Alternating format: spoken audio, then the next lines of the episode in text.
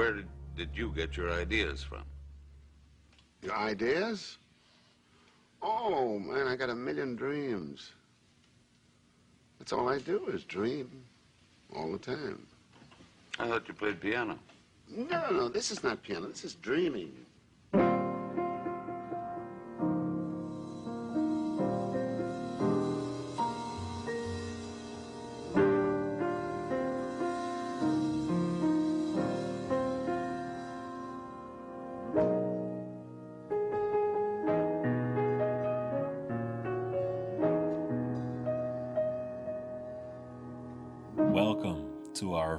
First English episode of Project Diaspora. My name is Richard Kofi, and Simone Zeefuik and I started this podcast last year to create our own digital space for conversations about art, activism, and cultural heritage. Our mission is to share with you the great power and diversity of Afro Dutch artists, researchers, teachers, social workers, authors. Basically, we're celebrating how we're changing the world on a daily basis. Our themes vary from uh, material and immaterial heritage to spirituality, ancestral memories, and futurism. We are discussing everything that feels right, basically. So today we've been invited by two contemporary art platforms, CBK Zuidoost in Amsterdam and Nest in The Hague. Um, they are working together on this exhibit called A Fair Share of Utopia, and they also published a catalog alongside with it with contributions of participating artists and amazing authors who give their views on what utopia means to them. Joining me in this conversation today are author Dean Bowen and participating artist Muge Yilmaz. And we're also joined by the amazing singer songwriter Joya Mooi, and I'm sure this episode will make you understand why we're such a big fan of hers. There are three things you need to know about our podcast. Normally, uh, it's narrated in Dutch, um, but um, now we're switching to English because one of our guests uh, prefers English. And um, but uh, yeah, it's people can just respond in the language that they're comfortable with, and we'll find a way to translate it. Uh, but I'll be asking my questions in English. Um, and um, yeah, Dean is also going to uh, read one of his, uh, well, his contribution to the book in Dutch. So just so you know, and we'll find a way to make it accessible in the conversation that follows up. Um, second is that uh, Diaspora stands for We Diaspora, not for wannabe diaspora. Someone asked me that. I was like, no, it's We Diaspora. We want to celebrate our uh, complexity, our diversity, and um, center Black perspectives. That's that's the goal of our of our um, uh, podcast. And third, you can find us on Spotify. Uh, just type in Project Diaspora, and we've got a whole lot of stuff lined up for you. So, Muge, Joya, Dean, um, would you please introduce yourself to the audience? I have to start, okay. Yeah. I'm Joya Mooi. I'm a singer, I'm a musician, and in my work, I try to tell my own story. Uh, so, songs about belonging, about my heritage. Uh, my father was born in South Africa. Um, my mom is from The Hague, actually. Um, so I try to amplify my own storyline. Uh, and recently I've been writing more about um, escapism, more about using my. Um, yeah, using uh, different tools in my mind uh, to reflect, and not only just to um, reflect the world, but just to escape it all. Okay. And um, uh, you recently released an EP or an album. What was that?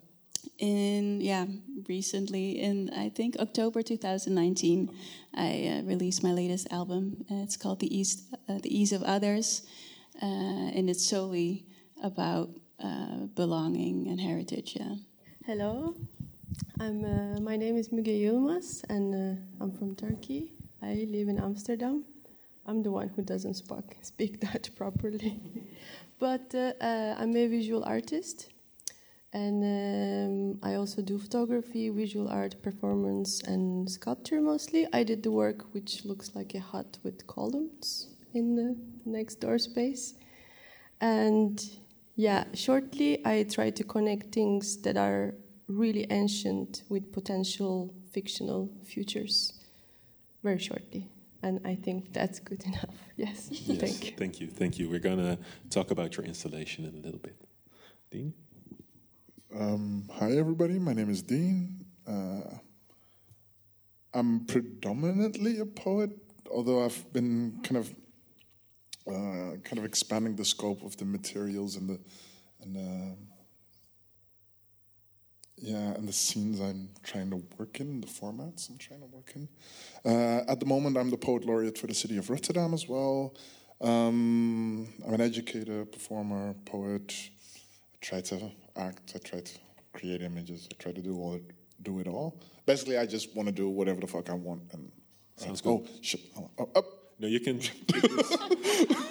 this is Project Diaspora. You can say whatever you want. Okay, okay, okay. Uh, uh, that, that's going to make me feel comfortable. But um, mainly, my work is, I guess, focused on the um, on the complexities uh, uh, surrounding identity uh, and the ways we uh, we not only understand it ourselves, but the ways in which it is kind of constantly contextualized and recontextualized uh, by the mechanisms of power that be. And you also had a short film in theaters, right? Yeah. Um, so one of the projects that I've been doing as poet laureate is um, uh, I, I, linked up with uh, Raukos Collective, which is a Rotterdam-based filmmakers collective. Um, in Rotterdam, there's about forty-five thousand people that have kind of uh, different kind of functioning analphabetism. Mm-hmm. And so I wanted to create kind of access to the work I was doing uh, in, in, in, a way that didn't require people to be able to read. Mm-hmm. Um, so I approached them, and over the span of two years, and we're a year and a half in now, um, we've been creating these short films uh, connected to poems that I've been writing. Um, and some of them have done quite well in international film festivals. We we just got word yesterday that uh, one of the films was selected for the Zebra uh, Poetry Film Festival in Berlin, which is cool. amazing. Yeah. Um, so yeah, uh, I, am just trying to figure out what this poetry thing can mean in different kind of uh, arenas and uh, materials. Thanks. Well, congratulations on the nomination. that's uh, that's awesome. Um, yeah, uh, I want to start off the conversation with the same question that we started off with yesterday. Um, in what ways are you um, living your parents' utopia? Uh, what about your, your current life is utopic in the eyes of your parents? It's funny because this morning I woke up and I saw a picture on Instagram posted by Kunstfort Vijfhuizen in Amsterdam of my work. Slightly out of Amsterdam, very special place for uh, art exhibitions, and they posted a picture of my work, and my mom had already commented on it in Turkish, like "I'm proud of you, this is really amazing." And I woke up and I was like, "How can she see this before me? Like, what is she doing?" And I realized she's following hashtags of different works with different pronunciations. Yes, it was really funny. I thought she's a millennial. Like, how is it possible? and therefore, I think she's the one who put like art in my in the back of my mind for sure. I grew up in a very artless place, uh, family, country. All my family backwards are soldiers. It's really bad. So we're breaking the generational curse. really, yeah, really. Do, do, they react to your work at all? Yeah, they, they like it. They okay, really okay. are proud of it. But they actually eventually, when I wanted to study art, they wanted me to be a designer. They said, okay, art, fine, you want to be creative, but why not a designer? And then I actually became a designer. And then I actually had a job. Oh. oh no. I, to- I showed them like, look, I can I got a contract. yeah, I got a contract in Rotterdam in a graphic design studio, and then I quit. okay, bye. and then I got in, very luckily got to the Rijksacademie, and that was like perfect because I was suffering quite a lot. Yeah. Thanks. Yeah, um, it's it's an immense question, of course, right? Um, first of all, because you never really know what your parents' utopia would actually be. They they kind of instill you with all these kind of wishes, and we hope you do as well as possible, and all these kinds of things. But you, and even if they tell you about their specific histories, right, where they come from, and you kind of project that upon your own life and your own kind of trajectory, it's really hard to figure out exactly what that utopia uh, is, was, or even if they had a sense of of what a utopia could look like, right? I mean, um, my, fa- my uh, stupid example, but my father had had his first pair of shoes when he was 13 years old. Uh, when he was eight years old, he was in a rice fields, you know, trying to make a little money, so to to, to, to have something to eat or whatever, to hang out with his brothers. Um, so if you ask that question, I think I'm already living it in, in, in kind of a concrete way, right? I'm going to say something that a lot of people of color and people from different backgrounds living here don't necessarily appreciate me saying, but I think that one of the best things my parents could have done for my sister and I was move to this country. Which isn't to say that this country doesn't have um, things we still have to overcome. Um, and it's complex and it's nuanced. But I don't necessarily have to worry about, you know, having to go to the uh, to the inlands to to mine gold to make sure that my family can eat, right? And and having to worry about people with machetes and guns waiting for me for that to to rob me of that little piece of gold, right? I mean, there are kind of safety nets and things in place in this country that are kind of demonstra- demonstrably better than in other places. Um, however, I think that that concept of utopia is tricky um, because it implies that there is kind of a formulation of, um, of, a, of, a, of, a, of a future wherein uh, everything is okay or everything kind of levels out. And I don't think that, you know, dealing with people, we can never get to any form of kind of real utopia. So I think even the idea of kind of ha- having a conception of a utopia is can, can also be very dangerous. Um, but relating to the question, so I think I'm already kind of living my my parents' utopia in the sense that I'm kind of doing whatever I want to do, and that is a freedom they've always wanted for my sister and I. Yeah. And where's your father from? Uh, my father's from Guyana. Uh, former, for, for, for those who don't know, that's not Ghana. That's not that's not New Guinea. Um, hey, listen, you don't even know how, how often I have to explain this to people. So, Guyana is a former British colony. It's, uh, it's a neighboring country to Suriname. Most people in the Netherlands know what that is. Not always where it, where it is, but they know what it is. What it is, yeah. Um, um, and my mother's from Suriname. And how's your relationship with Guyana or your family there? Do you still have family there? Um, I mean, um, I'm kind of in weekly contact with uh, with my, my well, I, I, don't use the term half brother with my brother who still lives there, um, and uh, occasionally, if if if I have the opportunity to, I send a little bit of money uh, that way. Um, the relationship is good, but it's weird because we are really the European. My, my, sister and I, especially, we're just kind of the European branch of the family, right? Yeah. yeah. Uh, we've been there a few times. I mean, when we were growing up, my parents had to send a lot of money to help out, so we didn't necessarily have the money to visit.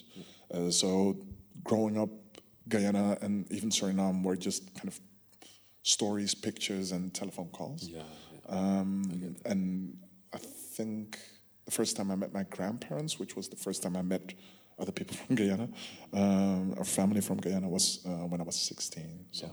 And up until then, you basically experienced it virtually, or yeah, exactly. Well, we'll get back to that maybe. Or, and um, Joya.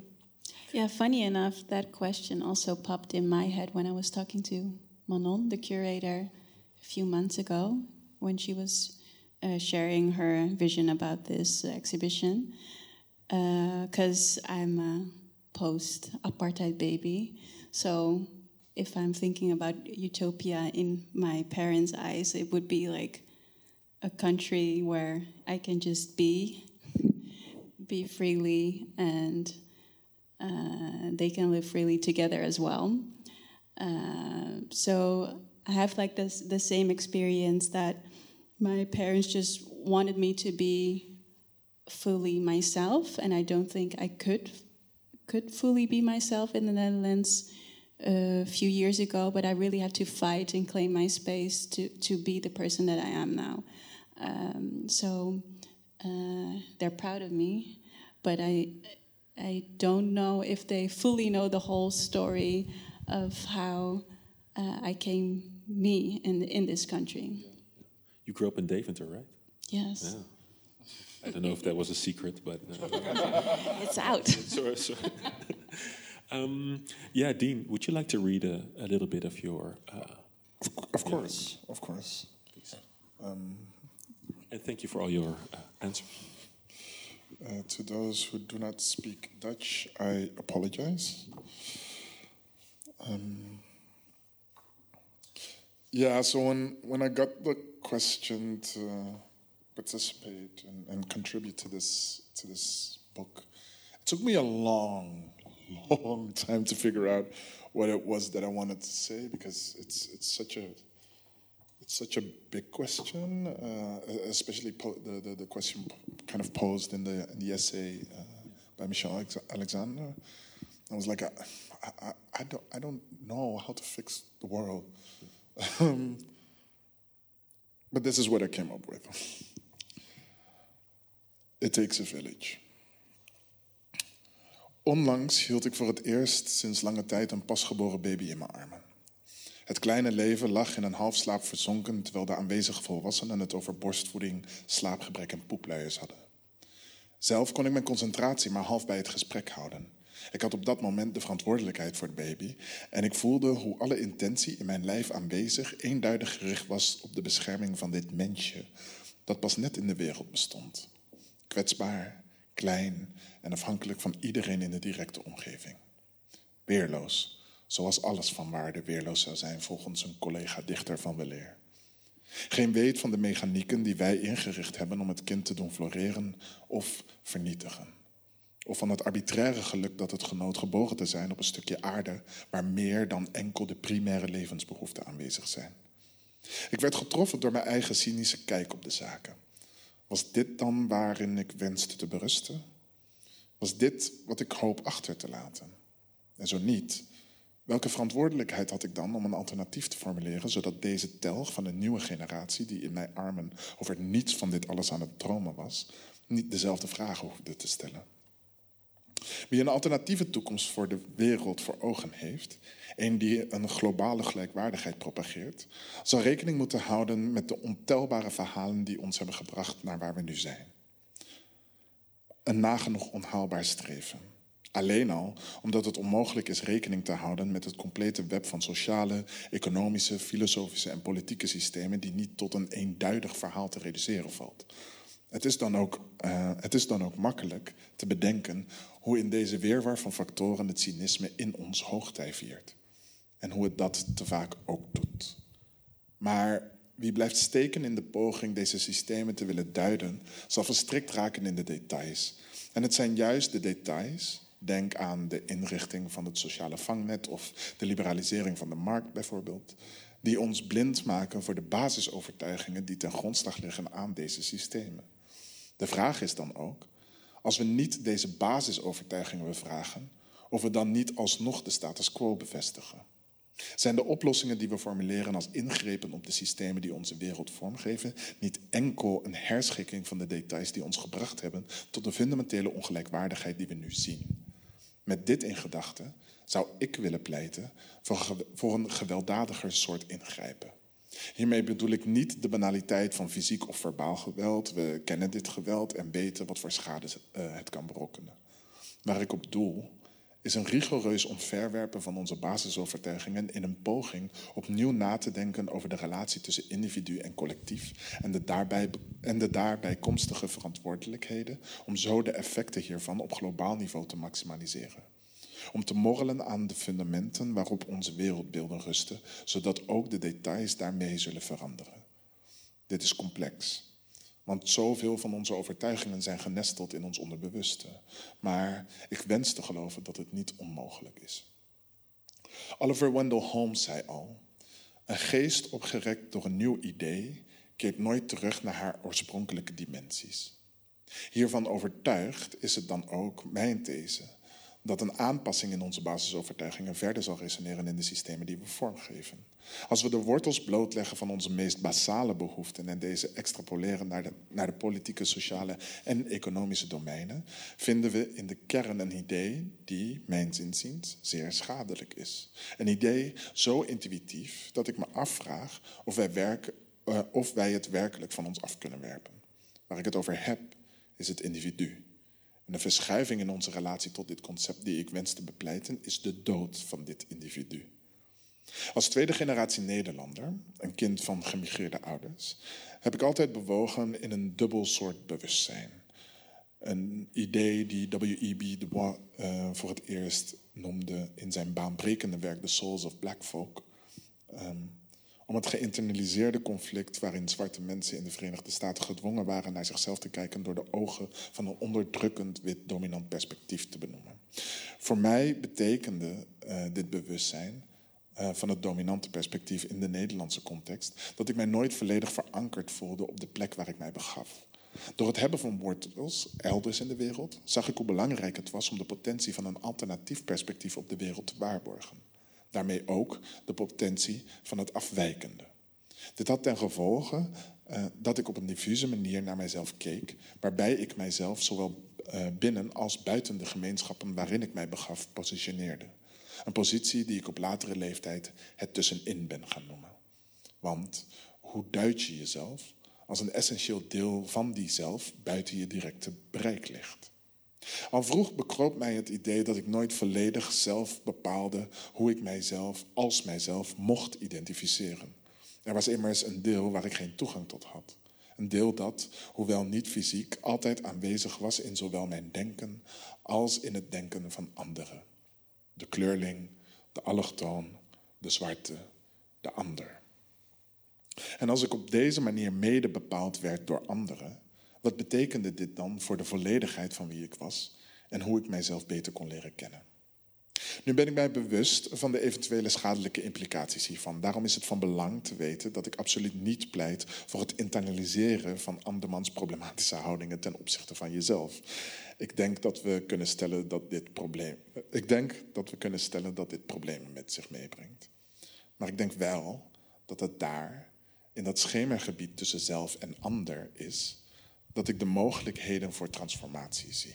Want het is in het erkennen van het perspectief van de ander als intrinsiek onderdeel van de zelfbeschouwing dat ik de potentie zie voor een fundamenteel herscheppen van de systemen die de mondiale ongelijkheid bewerkstelligen.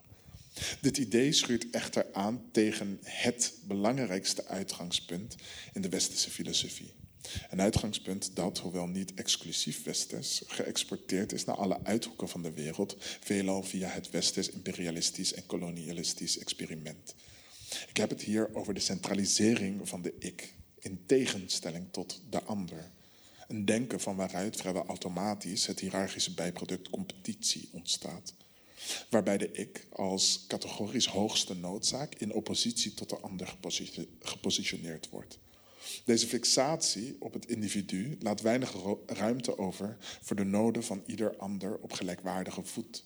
Zelfbehoud in deze context is iets wat zich ten koste van de ander uitspeelt.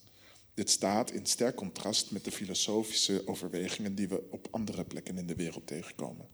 Denk bijvoorbeeld aan Ubuntu, de humanistische filosofie uit het zuiden van Afrika, waarbij de kern ligt in het begrijpen van jezelf vanwege de ander als verlengstuk van elkaar. Wat betekent het om langs dit denken jezelf te leren kennen door de ogen van een ander die je geworden bent? De Litouwse Franse eh, filosoof Emmanuel Levinas muntte de term alteriteit. Alteriteit. Waarmee hij het individu als basispositie ontregelde. Een manier om de radicale positie van de ander te duiden. Wat dit schept is een nieuwe relatie tussen, de zel- tussen zelf en de ander, waarbij de ander niet tot interpretatie vervalt. Dit heeft ten gevolge dat er een potentiële ruimte eh, wordt ontwaard tussen de zelf en de ander, waar een nieuwe radicaliteit zich kan nestelen. En het is met betrekking tot deze ruimte dat ik zou willen pleiten voor een radicaal soort empathie. Eén die niet vertrekt vanuit de behoefte de ander te willen duiden op basis van de voorwaarden die het individu aan zichzelf stelt. Want is de ik überhaupt in staat om zijn vooringenomenheden genoeg te laten varen om de ander in zijn volledigheid anders te laten zijn? Nee, dan liever een nieuw soort empathie, waarin het individu zichzelf niet benadert als autonoom en soeverein agent, maar als gemeenschappelijke intentie.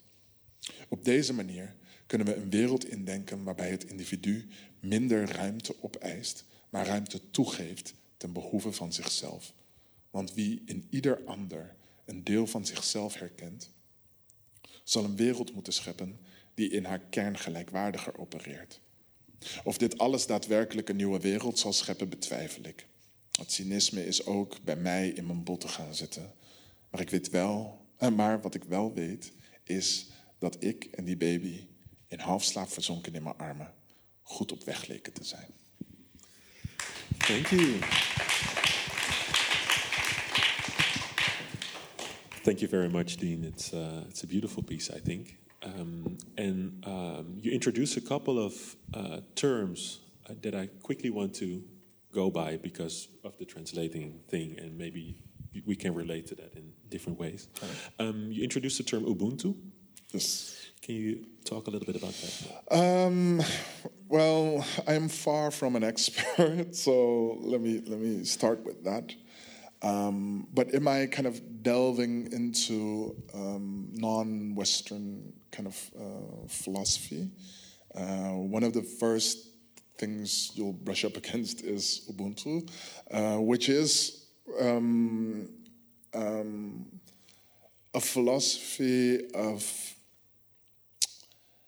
uh, when I was in South Africa, I had it explained to me like this it's a philosophy of togetherness, um, a philosophy of understanding that one is never just the one, one is al- always a multitude. I am because you are. I am because you are able to see, hear, understand, um, and give me purpose. Um, so there is, uh, it's, it's a philosophy about kind of the trans, um, uh, the, the, um, the transaction almost of energy, right? Uh, so yeah. Yeah, and and the title of your piece is uh, "It Takes a Village." Yeah. Also, it takes a village to raise a child, basically in that same notion, right? Exactly. Um, but you also kind of um, suggest a form of radical switch that needs to be made. So basically, we have to now raise the village.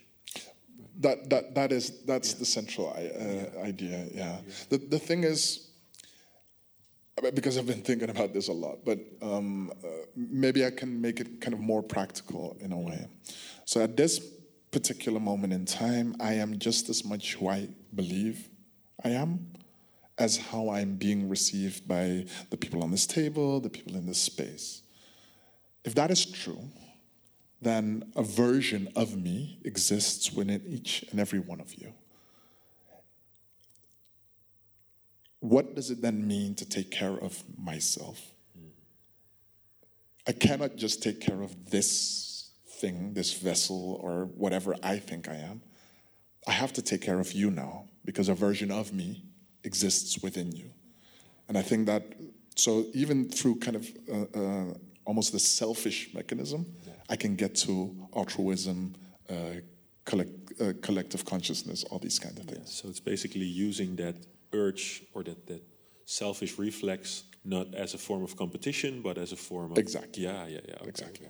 Cool, cool. I, I like the way that you you use that, and also as a way to kind of um, break free from that double consciousness, maybe that that is needed to kind of code switch and. and Exactly. I, I just I just wanted to because I, I- think um, it's it's a concept that we're familiar with, Yeah. with right? Um, but I just wanted to explore not that that that, that double consciousness or that code switching as kind of a problem. I wanted to kind of reconceptualize it as a as a potential, Yeah. and what then may emerge from that, right? Uh, because what happens when you use your perceived limitations and just proclaim them to be superpowers? Yeah, yeah. yeah. True, true. How, do you recognize anything in that, Joya? Of the, yeah, the Ubuntu, the, the creating of this alternative way of being together and creating this uh, alternative way of thinking in safety and raising and, and helping out each other. And also just recognizing Yeah. each other, right? That's what I also really found beautiful in th- these current times that I see more humanity also in myself, like treating others. I, I see more people. Um, and I don't know if you have the, the same experiences. Like I've been talking more uh, with people on, on the street, just random conversations, conversations that I was longing for, uh, but I didn't uh, maybe allow it to myself or took the steps myself uh, to have those altercations. But What made it? What made the made it switch, or wh- why is it? because we're in crisis. Yeah. Okay. so I think Yeah. the pandemic helped Yeah. help this world in in some terms, of In course. words, yeah, yeah, yeah. That's interesting. That's interesting. Yeah, I like that uh, you kind of move to this. Um, uh, yeah, what is it? Uh, sort of an indigenous way of thinking. Well, not not really. Basically, you're creating a utopia um, from a desire to connect to an ancient wisdom. We were talking about that earlier. Yeah, and that, that's exactly what you do with your um, with your work as well. I've got a couple of pictures on the big screen. Can you maybe tell us a little bit about your work, what you what you made? Yeah, I I recognize from your uh, text the word "anders," which means the other, and we think about it and talk about it a lot in terms of art making and in my circle of friends, etc. Because, like, the idea of being other is also where exactly the a lot of our current problems in terms of racism and discrimination is coming from, and this non-recognition of the other, then it also creates the problems. And then, in relation to my work, this relates to my previous work. I make these performances in people in costumes, which are actually very simple existing costumes. But then I always imagine them as the ultimate other. No nationality, no gender, so you can't even square them. And then people's reaction to them, it really depends on their perception of the moment and their self. So sometimes people laugh, sometimes people are scared, sometimes people are aggressive, like scream at them to get a reaction. And so this is previous work, and I always think in terms of like the other, but then in my imagination, they are the perfect community. Like their internal system of relationship to each other is a, a parallel spirituality. This is stripped of current organized religion, current systems of capitalism. They live in tune with nature. They worship water, which is also a very atavistic concept of ancient times. And then everything I do in terms of sculptural installations, I imagine that this is their art. So I speak on their Beautiful. behalf. And this is what something that they would create in my Can, can I, imagination. can I ask a question? So, um, sorry, um, but but how am I then to kind of understand that? Is it you in conversation with them, or is it you as a, almost a conduit through for them? I don't know. Funny because before we were also talking about like different personalities that can live in you, and this is a fictional maybe thing that lives in me. And then yeah, I ch- channel conduit means mm-hmm. channeling. I think that makes sense, but it's just also it's a similar way. I always write also to writing science fiction because when you read science fiction, you imagine the scenes. So then what I also try to do is that I make the scenes and then you can imagine the story. So then there's that reversal. So it's not necessarily that I have a definition of what's going on, but it's almost a suggestional uh, thing where you can visualize things also in terms of story or what's going on here, etc. Of course, I have my personal interpretations, of course.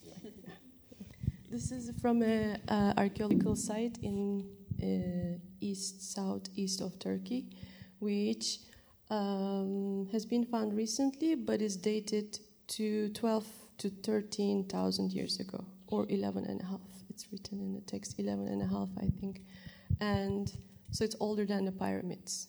I always compare to this because that makes a lot of sense if it's older than the pyramids. And it's really old. Yes, it's very ancient. And actually, the original site in Turkey is made of only columns. There's only it's um, eight uh, columns in a circle, and they are made of stone originally, and they have the shape of a T shape and there are animal and plant carvings on it, mostly quite wild animals such as vultures and uh, tigers, etc.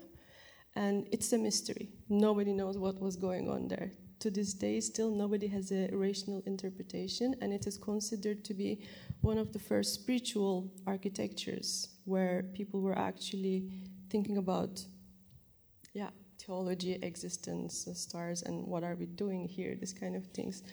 So then the original site does not have a roof, and I imagined maybe because the roof was seasonal, mm. and then I made it seasonal.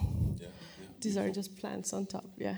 yeah and and um, the the roof is quite low, mm. also to influence the kind of conversations that need to take place in that space, right?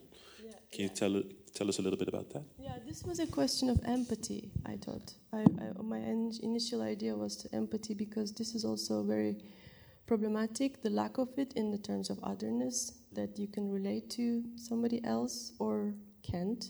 That's basically one of the main problems.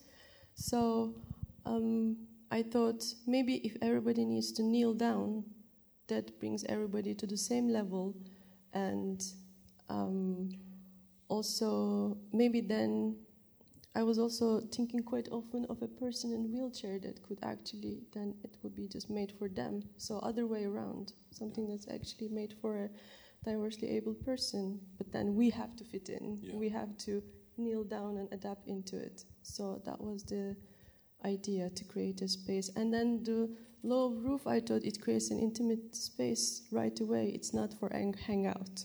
It's for talking serious things. Yeah, like yeah. you can feel it immediately. Yeah, and all these pillars are um, decorated differently. What do they represent? Say again. What do the pillars represent? Because they're all people. Yeah, they people. Each yeah. of them. I assigned a person to each of them, and. Uh, um, there are several people who um, most of them are actually have been uh, they're um, activists that sorry. i'm thinking. They have they're um, they're activists uh, and actually people that have been murdered in the last decade. For example one column is dedicated to a couple in turkey who was fighting against uh, marble construction factories. They basically just go into mountains and take the mountain because the mountain can be sold and they were fighting against these uh, companies and they have been murdered like open wise and they are called uh, Ali and Aysin Büyüknohutçu. This yellow one is them actually. Okay. They were honey makers. Mm-hmm. So that's the relationship. And each of them has an assigned person in my mind, which not necessarily you have to know, but then I made each piece with this person in my mind. Yeah, you kind of imagine a, a future in which they are still honored, still visible, exactly, right? Yeah, in exactly. this installation. That's why I wanted to call them future ancestors, and maybe yeah. it's like a, it's, so. The work is a memorial, actually. Yeah, yeah, yeah. I like how in both your work, uh, sort of, uh, you look to the past to find this new way of empathy, this new forms of empathy, and it's really interesting. Yeah, we were talking right before we you guys came in uh, about uh, something I recognized in your work from Mali,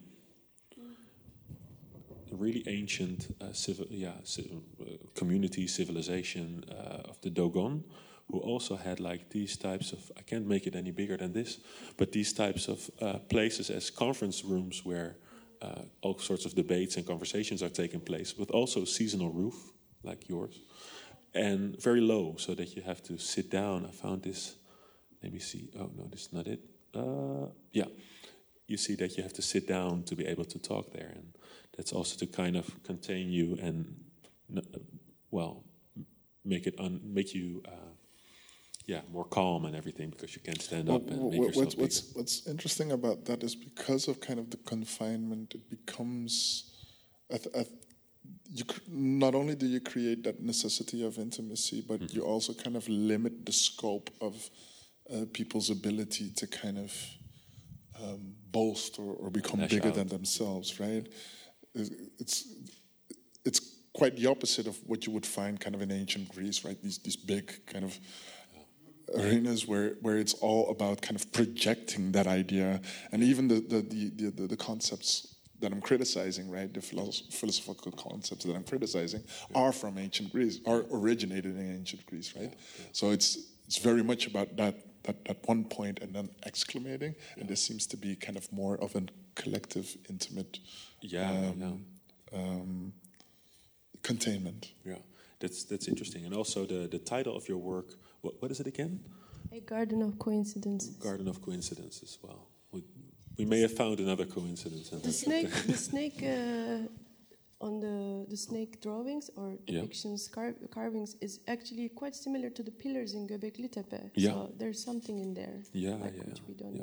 That's, that's interesting. That's it. And that in and of itself is also uh, uh, a West African uh, um, concept, Sankofa, going back into the past to find ways to, you know, make kind of a blueprint for the future. So it's interesting that it goes all these all these ways. Um, uh, Joya, do you recognize something in that um, that creation of an intimate space, of a new form of conversation and empathy? Is there are there ways for you to kind of reimagine like a concert space or a theater to to enable like different kinds of interactions and conversations? Mm. Uh, yeah.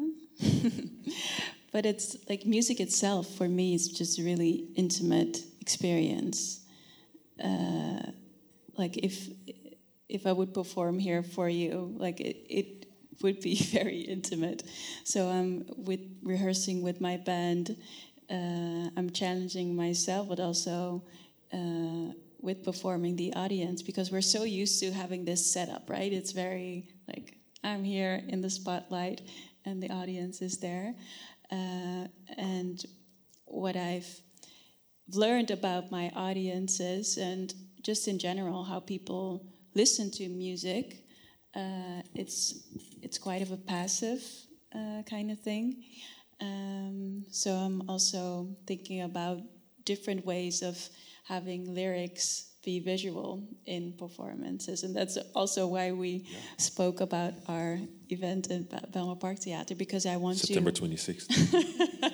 Because I want to do uh, uh, or talk more about the lyrics that are important to me that I've not written myself, but what I think is very important for uh, people of color in the Netherlands, black people in the Netherlands, and uh, we tend, or a journalist or media uh, tends to uh, not look at what's going on here. And not they're they're not quite responsive to what's happening or what creatives are doing here.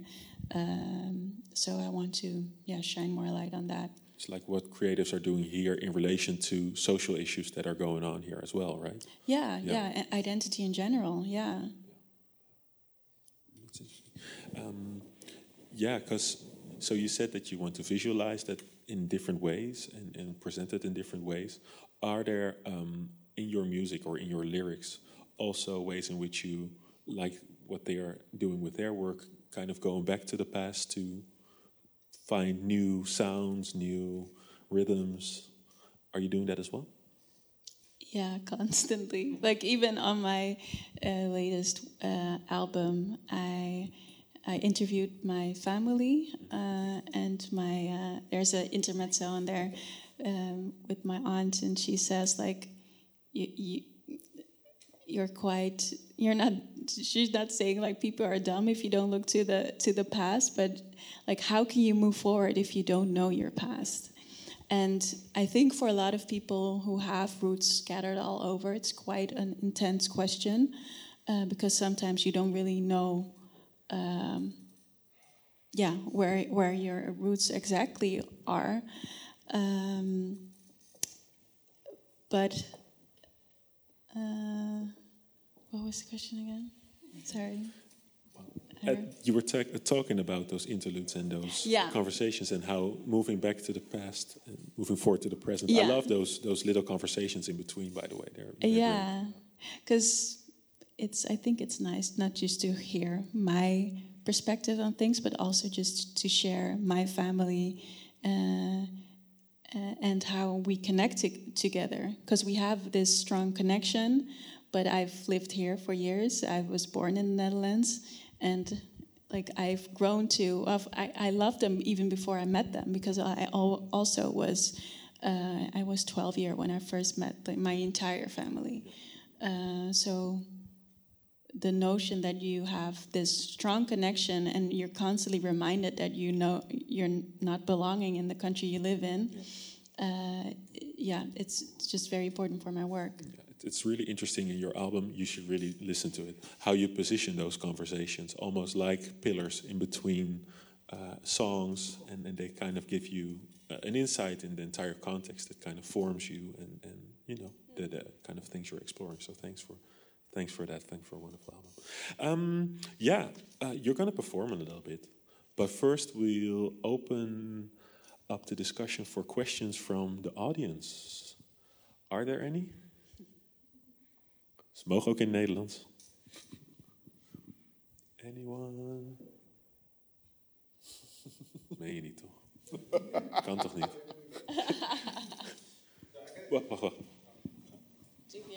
Do you have a, a mic that's safe enough to you Uh, Muge, so we got a uh, similarity um, in our uh, artistic career, I could say. I also come from a graphic design background and all this pushing on, well, on the older generation who wants you to do well in life and make affordable living for yourself because it's a good intention why they say this to you. Um, how did it influence your um, contemporary work? Thank you. Mean this? commercial Oh, yeah. Yes. I'm thinking, I think actually in a good way, paradoxically. I think not having studied art made me unaware of a lot of things, which then made sense. I don't know how to explain it, but uh, it's just really, instead of going a straight road, I went this way, but then eventually it worked better. I really, when I, for example, started the Rijksakademie, I realized I don't know a lot of things. Like I actually didn't know what the residency was per se, and then I realized it's it's a, it's a thing. So then, it's you know what I mean. That actually kind of ignorance was helpful to me, not knowing the art school knowledge, ways, paths, methods, this kind of things. So that made sense. That's the positive side. I can I can think about it. But now I also have a lot of skills, and we were also think, talking about it before. That's also a parachute that is good for you actually. Like if the art stops right now, you still have a skill, which is useful in any case. Of course, you would not like to go there or go back, but then it's always there. It's a bit like saved money, so you can always not have constant anxiety. What if everything stops right now? You know. So then it's actually. Um, I don't see it as something bad, but it was actually practically useful. This was my COVID thought. everything goes to shit. I can also always design stuff for people and make money. yeah, In the photography, Photoshop, it's good. You know? We actually met in um, in a photo uh, studio because I was also doing like very practical work, doing styling work. So we've we've known each other for years. Together before in Balmer. yeah. I see one more question. I've got a little tool for this. Just a sec.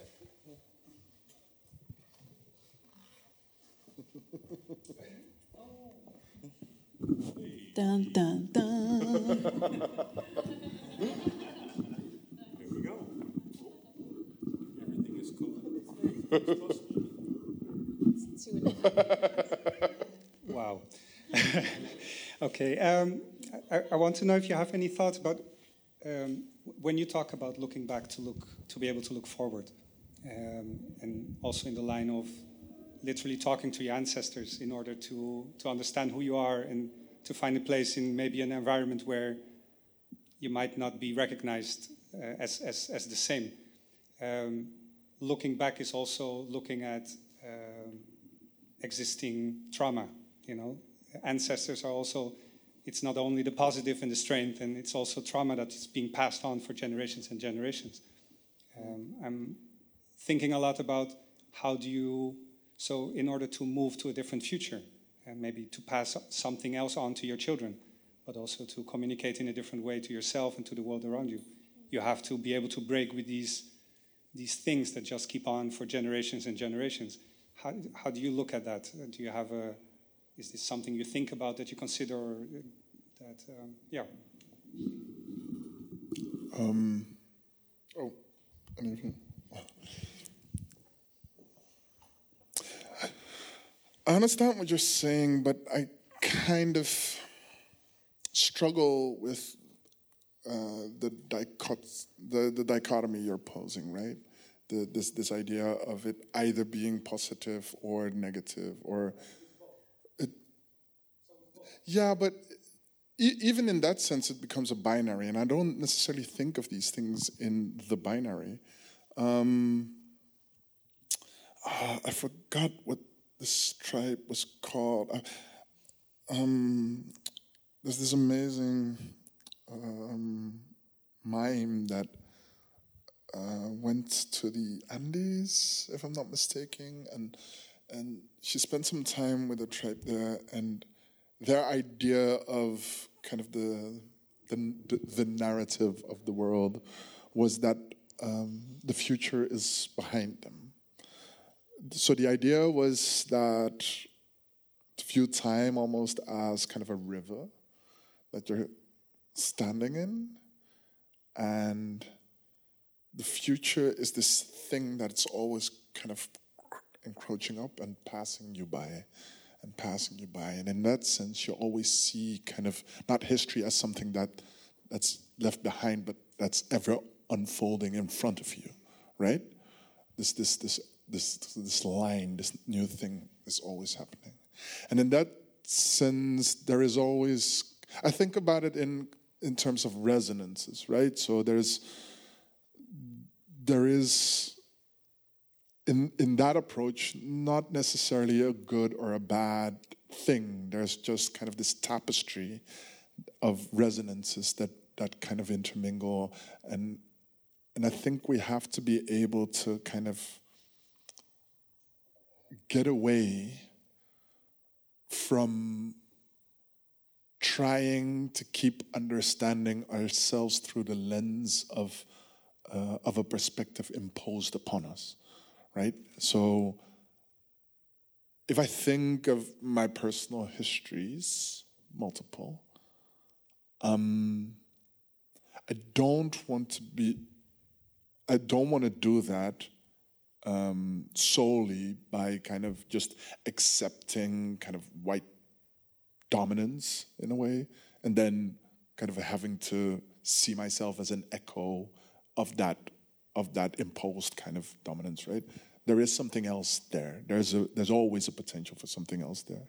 And what happens if I destabilize whiteness as being kind of the default, which isn't to say that I'm not acknowledging kind of the power dynamics that are present, it is to say that if I am to rethink the possibilities of myself, my communities, and all these things, I need to kind of divorce myself of kind of that dominant narrative. So when it comes to how you how do you deal then with things like inherited trauma, all these kind of things, I think for me personally, therein lies the crux, right? Therein lies kind of that that idea of it is just one of the parallel narratives that is happening at the same time.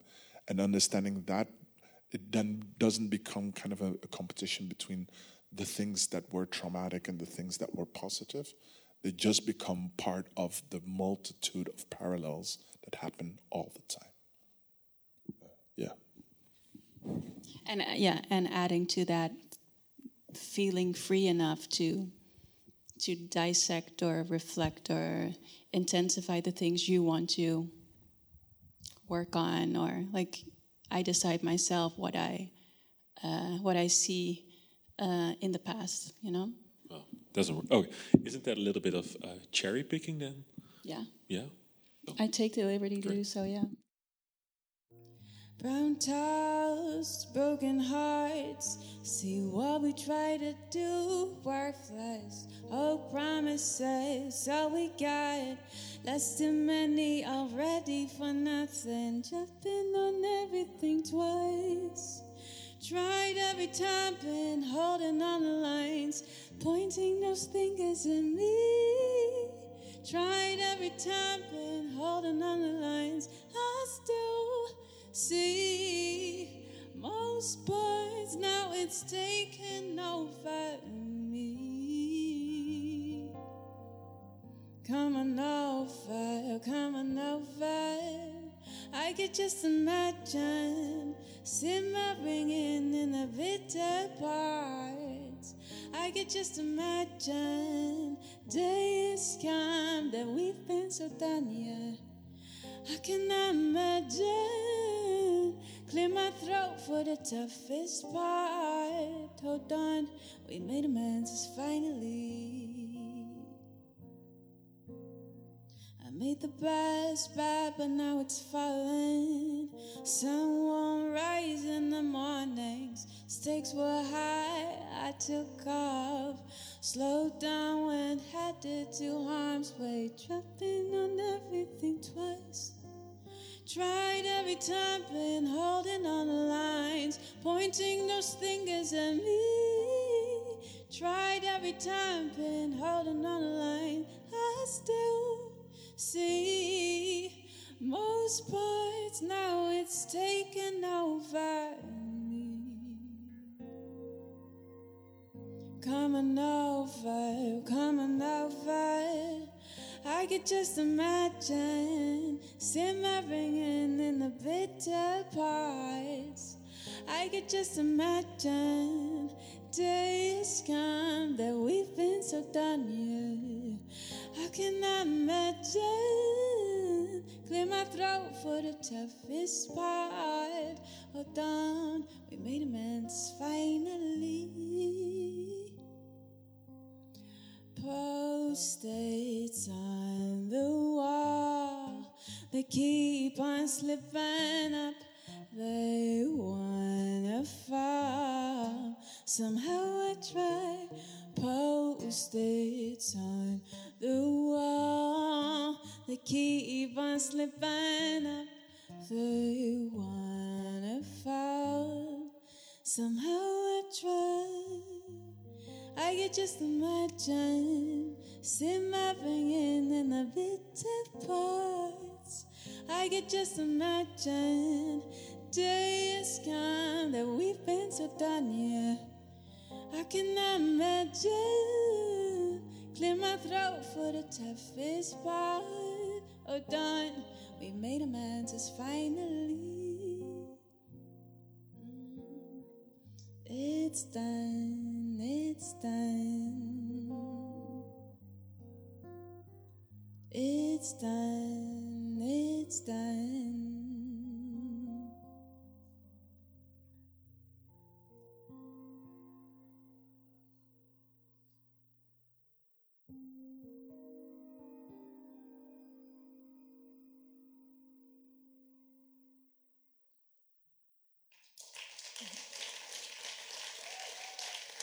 Dankjewel.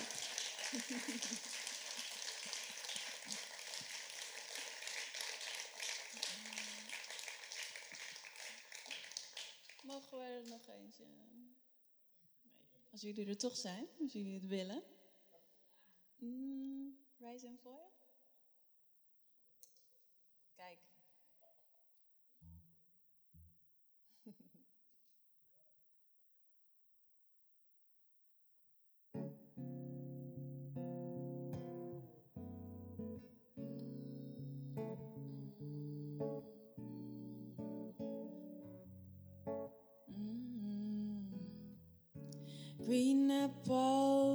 Apples, rising fall, sweet breaks I used to know. Wish lunchtime was longer, but I had to go soon. Same talks over and over. Women clutch their purses, cis men and their bias. When rain clouds get turned out, ain't you looking for blood? Hey, you my sis no more. I don't wanna be just anything as long as I can be anything. My crown today, look around for a little bit. Best to save my breath for this. Cause what you try to see, just don't understand it all. What you make of me. What you try to see, just don't understand it all. What you make of me. Substitute made in piped. No matter the occasion, tried to brush it all aside. Took some dirt and post, same talks over and over. I kept looking for cover, collecting micro insults, and they live off no burn. No. Ain't you looking for blood? Hey, you're my sis no more. I don't wanna be just anything as long as I can be anything my crown today. Look around for a little bit. Best to save my breath for this. Cause what you try to see, just don't understand it all. What you make of me. What you try to see, just don't understand it all. What you make of me, you can just go on. You had to cut the to be free and move on. You can't just go on. You had to cut the leaves out to be free and move on. You can't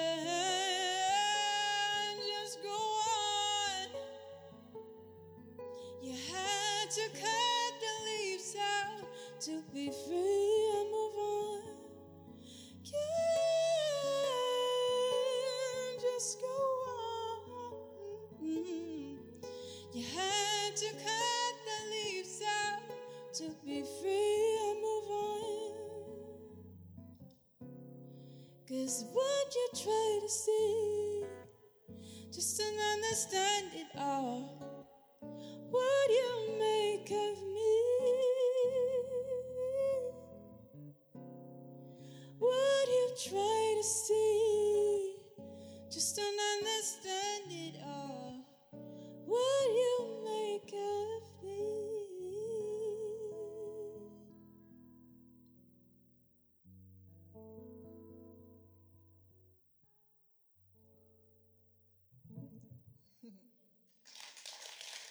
Aaron Hanenberg.